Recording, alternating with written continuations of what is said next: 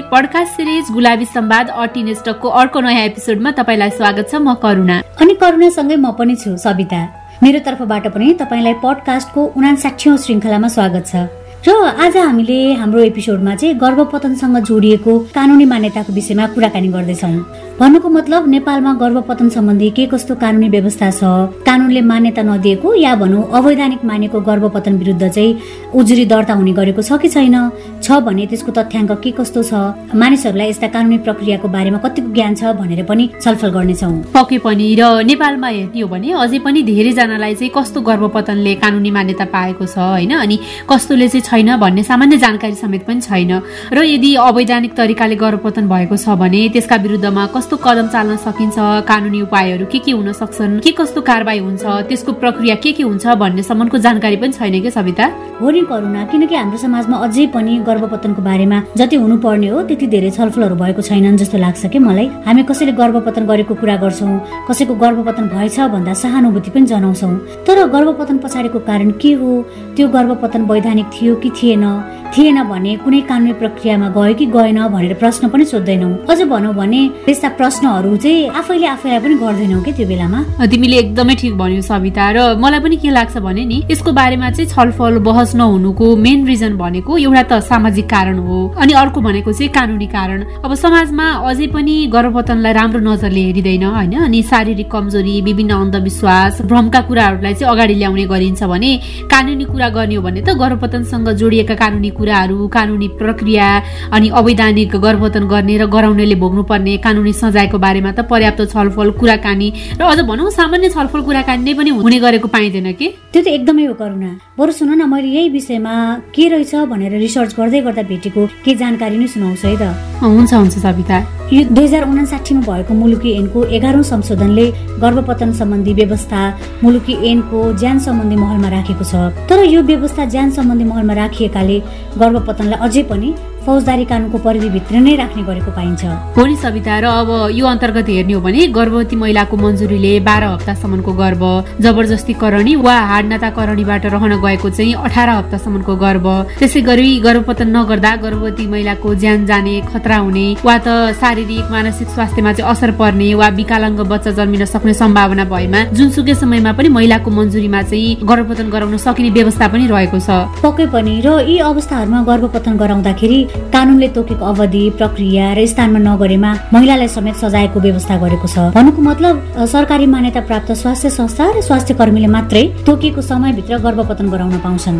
तर नि सविता अब यदि कसैले चाहिँ पेटभित्र हुर्किरहेको बच्चाको अझ भनौँ भ्रूणको चाहिँ लिङ्ग पहिचान गरेर गर्भपतन गरेको छ भने त्यस्तो गर्भपतनलाई चाहिँ गैर कानुनी र अपराध पनि मानिन्छ कि? त्यसैले पनि गर्भपतन गर्नु परेको अवस्थामा चाहिँ सुरक्षित तरिकाले गर्भपतन गर्नुपर्छ। वैधानिक स्वास्थ्य संस्थामा गएर वैधानिक स्वास्थ्य कर्मीबाट मात्रै गर्भपतन गर्न चाहिँ एकदमै आवश्यक छ।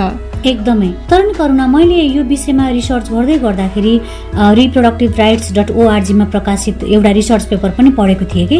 जुन चाहिँ यौन तथा प्रजनन स्वास्थ्य र अधिकारका क्षेत्रमा काम गर्दै आइरहेको सङ्घ संस्थाले गरेको रिसर्च हो त्यसमा उल्लेख भए अनुसार गर्भपतन सम्बन्धी प्रचलित कानुनले थुप्रै कुराहरूलाई समेट्न अझै पनि सकेको छैन कि। त्यो त एकदमै हो सविता र त्यहाँ लेखिएकै कुरालाई हेर्ने हो भने त्यसैलाई आधार मान्ने हो भने पनि र अहिले हाम्रो समाजमा हामीले देखिराखेका विभिन्न घटनाक्रमलाई हेर्ने हो भने पनि गर्भपतनलाई चाहिँ महिलाको अधिकारको रूपमा सुनिश्चित गर्न अहिलेको कानुनी व्यवस्थाले गर्भपतनलाई चाहिँ पूर्ण रूपमा कानुनी मान्यता प्रदान नगरी केवल केही शर्तमा मात्रै गर्भपतन सेवाको व्यवस्था गरेको अनि गर्भपतन सेवा सम्बन्धी गोपनीयता उल्लङ्घन भएमा चाहिँ कानुनी जवाबदेताको अभाव रहेको पनि हामीले कति देखेका भोगेका सुनेका पनि छौँ नि।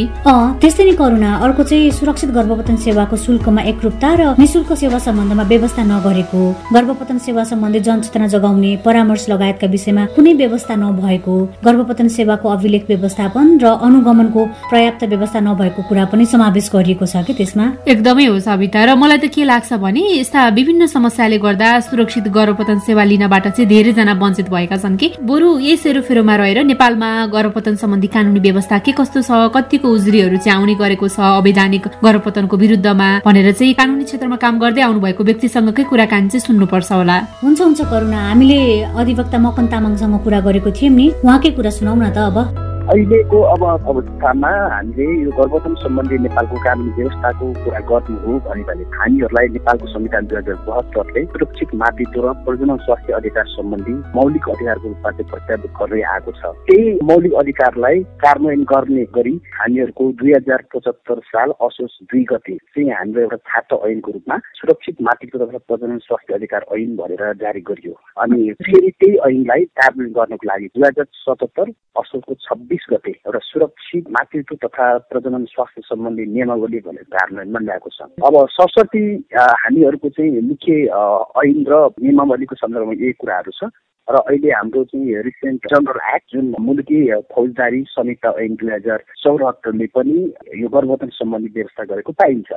यो ऐन अन्तर्गत कुरा गर्ने हो भन्यो भने चाहिँ सुरक्षित गर्भवतन गराउन पाउने भन्ने कुरा चाहिँ ऐनको परिचित चारमा व्यवस्था गरिएको छ। कस्तो अवस्थामा चाहिँ सुरक्षित गर्भवतन गराउन पाउने भन्ने सम्बन्धमा चाहिँ त्यहाँ एकदमै क्रमबद्ध तरिकाले उल्लेख गरेको पाइन्छ। गर्भवती महिलाको मन्जुरी भयो भने बाह्र हप्तासम्मको गर्भलाई चाहिँ सुरक्षित रूपमा गर्भ गर्भपतन गराउन सक्ने भन्ने व्यवस्था छ। अनि अर्को उपदफा अन्तर्गत चाहिँ गर्भपतन नगराएमा अथवा गर्भवतन गर्भवती महिलाको ज्यान खतरामा हुने अवस्था भएको खण्डमा पनि होइन अथवा निजको शारीरिक र मानसिक स्वास्थ्य खराब हुन सक्ने अवस्था सिर्जना भएको अवस्थामा चिकित्सकको राय लिएर त्यसमा पनि गर्भवतन गराउन सक्ने भनेर चाहिँ अठाइस दिनभित्र त्यस्तो अवस्थामा चाहिँ महिलाको मन्जुरी बमोजिम अठाइस दिनभित्र गर्भवतन गराउन सक्ने भन्ने व्यवस्था चाहिँ सुरक्षित गर्भवतन अन्तर्गतको अधिकारको रूपमा चाहिँ कानुन व्यवस्था गरिएको छ। सँगसँगै अर्को भनेको चाहिँ यदि जबरजस्तीकरणी र हातनाताकरणी दुईटा कारणबाट यदि कुनै पनि महिला गर्भवती हुन गएमा त्यही महिलाको मन्जुरीले अठाइस हप्ताभित्र चाहिँ गर्भवतन गराउन सक्ने अर्को एउटा चाहिँ व्यवस्था त्यहाँ छ। र कुनै पनि रोग प्रतिरोधात्मक क्षमता उन्मुक्त गर्ने जीवाणु जस्तै एचआइभी भयो कुनै पनि रोगहरू लागेको अवस्थामा चिकित्सकले त्यो कुरा प्रमाणित गर्छ भन्यो भने चाहिँ महिलाको मन्जुरीमा त्यो पनि अठाइस हप्तासम्म चाहिँ गर्भवतन गराउने भन्ने व्यवस्था छ। अर्को भनेको चाहिँ अब भ्रूणमा कमी कमजोरी भयो अब गर्भबाटै त्यही नष्ट हुन सक्ने अवस्था रह्यो कि त्यो बच्चा चाहिँ जन्मन नसक्ने अथवा जन्मेर पनि बाँच्न नसक्ने अवस्था सिर्जना हुने अवस्थामा पनि कुनै पनि गर्भवती महिलाले उसको मन्जुरीमा अठाइस हप्ताभित्र चाहिँ गर्भपतन गराउन सक्ने भन्ने व्यवस्था। यो चाहिँ हाम्रो अब कानुन अनुसार सुरक्षित गर्भपतन गराउन सक्ने भन्ने कुरा भयो होइन? अब कस्तो कस्तो अवस्थामा चाहिँ गर्भपतन गराउन मिल्दैन भन्ने सन्दर्भमा चाहिँ अहिले हामीले जुन जुन अवस्थामा चाहिँ गर्भपतन गराउन सक्ने भन्ने अवस्थामा बाहेक अन्य गर्भपतन गर्यो भने चाहिँ त्यसलाई हामी अवैधानिक गर्भपतन भनेर भन्छौँ। त्यो अवैधानिक गर्भपतनको सम्बन्धमा चाहिँ हाम्रो अब यही ऐनको तथा सोह्रले बलपूर्वक गर्भपतन गराउन नहुने भन्ने कुरा चाहिँ व्यवस्था गरेको छ। अब कस्तो अवस्थालाई बलपूर्वक भनेर मानिएको छ भन्दाखेरि चाहिँ गर्भपतन गराउने नियतले अथवा गर्भपतन हुन सक्छ भन्ने जानी जानी वा विश्वासमा गर्नुपर्ने कुनै काम कारवाही गरेर गर्भपतन गरायो भने त्यसमा चाहिँ अवैधानिक गर्भपतन गराएको भन्ने मानिन्छ। यसै गरी अब अर्को भनेको चाहिँ कुनै पनि गर्भवती महिलालाई करकाट गरी धम्की दिई ललाइ ठकाइ गरी र प्रलोभन पारी गर्भपतन गराएको खण्डमा त्यो पनि अवैधानिक गर्भपतन भएको हो भन्ने व्यवस्था चाहिँ भएको मानिन्छ भन्ने व्यवस्था चाहिँ हाम्रो ऐनले व्यवस्था गरेको पाइन्छ। सँगसँगै अब यसलाई प्रमाणित गर्नको लागि कसरी बलपूर्वक गर्भपतन गराएको हो भन्ने कुरा प्रमाणित गर्नको लागि चाहिँ नर्मल्ली कुनै पनि अवस्थामा ऋषिले गर्भवती महिलालाई केही गर्दा गर्भ तुइमा पनि यसलाई बलपूर्वक गरेको मानिन्छ। अनि अर्को भनेको चाहिँ त्यो काम गर्नको लागि कसैले सहयोग पुर्याएमा त्यसलाई पनि चाहिँ अवैधानिक गर्भपतनको एउटा संज्ञा चाहिँ हाम्रो कानुनले दिएको पाइन्छ।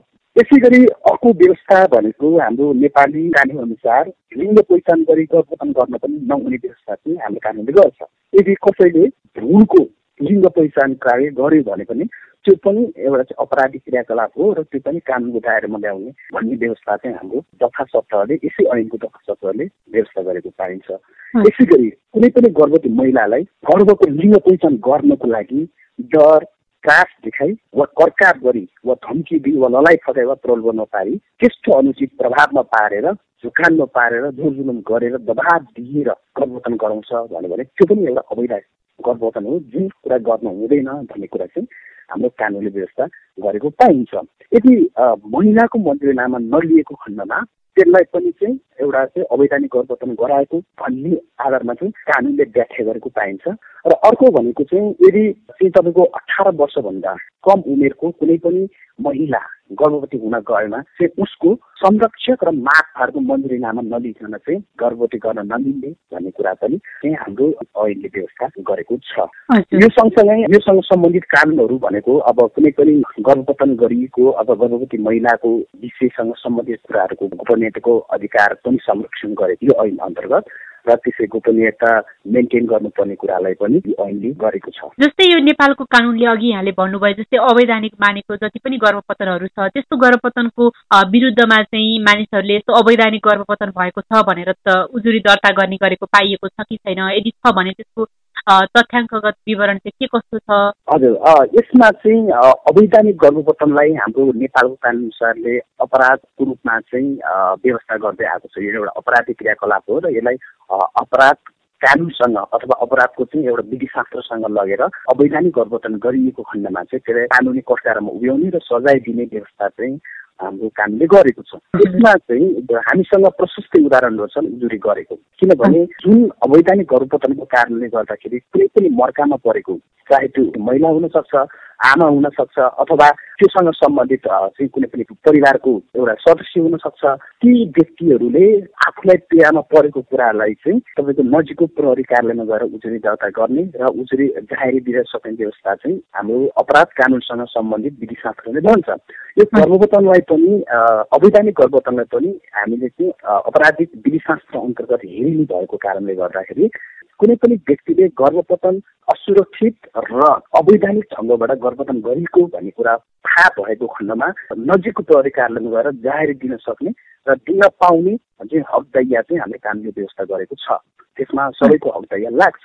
जस्तै अन्त्यमा चाहिँ नेपालमा गर्भपतन सम्बन्धी कानुनी पक्षको बारेमा सँगसँगै चाहिँ कस्तो गर्भपतन चाहिँ वैधानिक कस्तो अवैधानिक भन्ने बारेमा चाहिँ आम मानिसहरूलाई बुझाउन अनि एकदमै अब तल्लो स्तरसम्म पनि यसको बारेमा जनचेतना जगाउन यो कानुनको बारेमा चाहिँ अझ भनौँ मान्छेहरूलाई अवेर गराउन चाहिँ कतिको आवश्यक देख्नुहुन्छ तपाईँले? यो चाहिँ विशेष गरी महिलाको अधिकार। त्यसमा पनि उसको प्रजनन स्वास्थ्य र सुरक्षित मातृत्वको अधिकारसँग सम्बन्धित भएको कारणले गर्दाखेरि समाजको प्रमुख समस्याको रूपमा देखा परेको छ। कुनै पनि महिलालाई सुरक्षित वा असुरक्षित ढङ्गबाट गर्भपतन गराउँदै गर्दाखेरि उसले कानुनले व्यवस्था गरेको कुराहरूलाई ख्याल गर्छ कि गर्दैन अथवा त्यो कानुनमा व्यवस्था भएको कुराहरू उसको नलेजमा छ कि छैन भन्ने कुराहरू एकदम प्रमुख रहन्छ। तर मलाई जहाँसम्म लाग्छ योसँग सम्बन्धित केही गैर सरकारी सङ्घ संस्था बाहेक नेपाल सरकारले पनि यसमा पर्याप्त मात्रामा जनचेतनामूलक कार्यक्रमहरू गर्न सकेको छ जस्तो मलाई लाग्दैन। त्यही भएर सबैजनाले योसँग सम्बन्धित अधिकारको कुरा सामाजिक पक्षको कुरा नैतिक पक्षको कुराहरूको बारेमा हाम्रो समाजमा एकदम रिगुरसली डिस्कस हुन जरुरी छ छलफल हुन जरुरी छ र सबै यो कुराहरू जान्न जरुरी छ। नेपालमा गर्भपतन सम्बन्धी कानुनी प्रावधानको बारेमा जानकारी गराइदिनु भएकोमा अधिवक्ता मकन तामाङलाई धेरै धेरै धन्यवाद। उहाँले भन्नुभयो जस्तै सुरक्षित भरपर्दो र कानुनी मान्यता प्राप्त स्वास्थ्य संस्थाबाट मात्रै वैधानिक तरिकाले र आवश्यकता परेको अवस्थामा मात्रै गर्भपतन गरौं र स्वस्थ जीवन बिताउँ भन्दै आजको लागि भने बिदा नै माग्नु पर्छ होला सविता। हुन्छ हुन्छ करुणा। र हाम्रो पडकास्ट सुन्दै गर्नुभएको श्रोता तपाईँलाई चाहिँ आज हामीले नेपालमा गर्भपतन सम्बन्धी कानुनी व्यवस्थाको बारेमा गरेको छलफल तथा कुराकानी कस्तो लाग्यो? आफ्ना कुरा हामीलाई भन्नको लागि हाम्रो email Gulabi Samwad at Gmail dot com अथवा फेसबुक इन्स्टाग्राम ट्विटर टिकटक र युट्युबमा हामीलाई गुलाबी सम्वाद सर्च गरेर भेट्न सक्नुहुन्छ हामीलाई त्यहाँ लाइक गर्न सक्नुहुन्छ सेयर सब्सक्राइब पनि गर्न सक्नुहुन्छ। त्यो सँगसँगै त्यहाँ हामीसँग प्रत्यक्ष रूपमा छलफल पनि गर्न सक्नुहुन्छ। पके पनि र तपाईँले हाम्रो कार्यक्रम तथा किशोर किशोरीले लेख्नुभएका आफ्ना यौन तथा प्रजनन स्वास्थ्य र अधिकार सम्बन्धी विभिन्न भोगाईहरू हाम्रो website W W W dot Gulabi Samwad dot com र हाम्रो blog W W W dot Gulabi Samwad dot blogspot dot कममा पनि प्रकाशित छन्। ती सामग्री पनि तपाईँले पढ्न सक्नुहुनेछ र आफ्नो पनि त्यस्तै अनुभवहरू छ आफ्नो भोगाईहरू छ र हामीलाई सेयर गर्न मन लागेको छ भने लेखेर वा रेकर्ड गरेर हामीलाई पठाउन सक्नुहुनेछ। तपाईँले हाम्रो यस पडकास्ट श्रृङ्खला गुलाबी सम्वाद अट इन stock W W W dot anchor dot FM गएर गुलाबी सम्वाद टिन टक सर्च गरेर पनि सुन्न सक्नुहुन्छ। त्यो बाहेक भनेको चाहिँ देशभरिका विभिन्न सैतिसवटा स्थानीय रेडियो स्टेसनबाट हप्तैभरि विभिन्न समयमा हाम्रो पडकास्ट गुलाबी सम्वाद प्रसारण भइरहेको छ। आफूलाई पाएक पर्ने स्थानीय रेडियो स्टेसनबाट पनि तपाईँले कार्यक्रम सुन्न सक्नुहुनेछ। र तपाईँले चाहिँ अहिले कुन रेडियो या त कुन चाहिँ अनलाइन प्लेटफर्म मार्फत हामीलाई सुन्दै हुनुहुन्छ भनेर जानकारी गराउन पनि नभुल्नु होला भन्दै आजका लागि पडकास्ट सिरिज गुलाबी सम्वाद अटिन स्टकको उन्साठी एपिसोडबाट हामी दुई सविता र करुणा विदा माग्छौ। नमस्ते। अर्को श्रृङ्खलामा पुनः भेट्नेछौँ।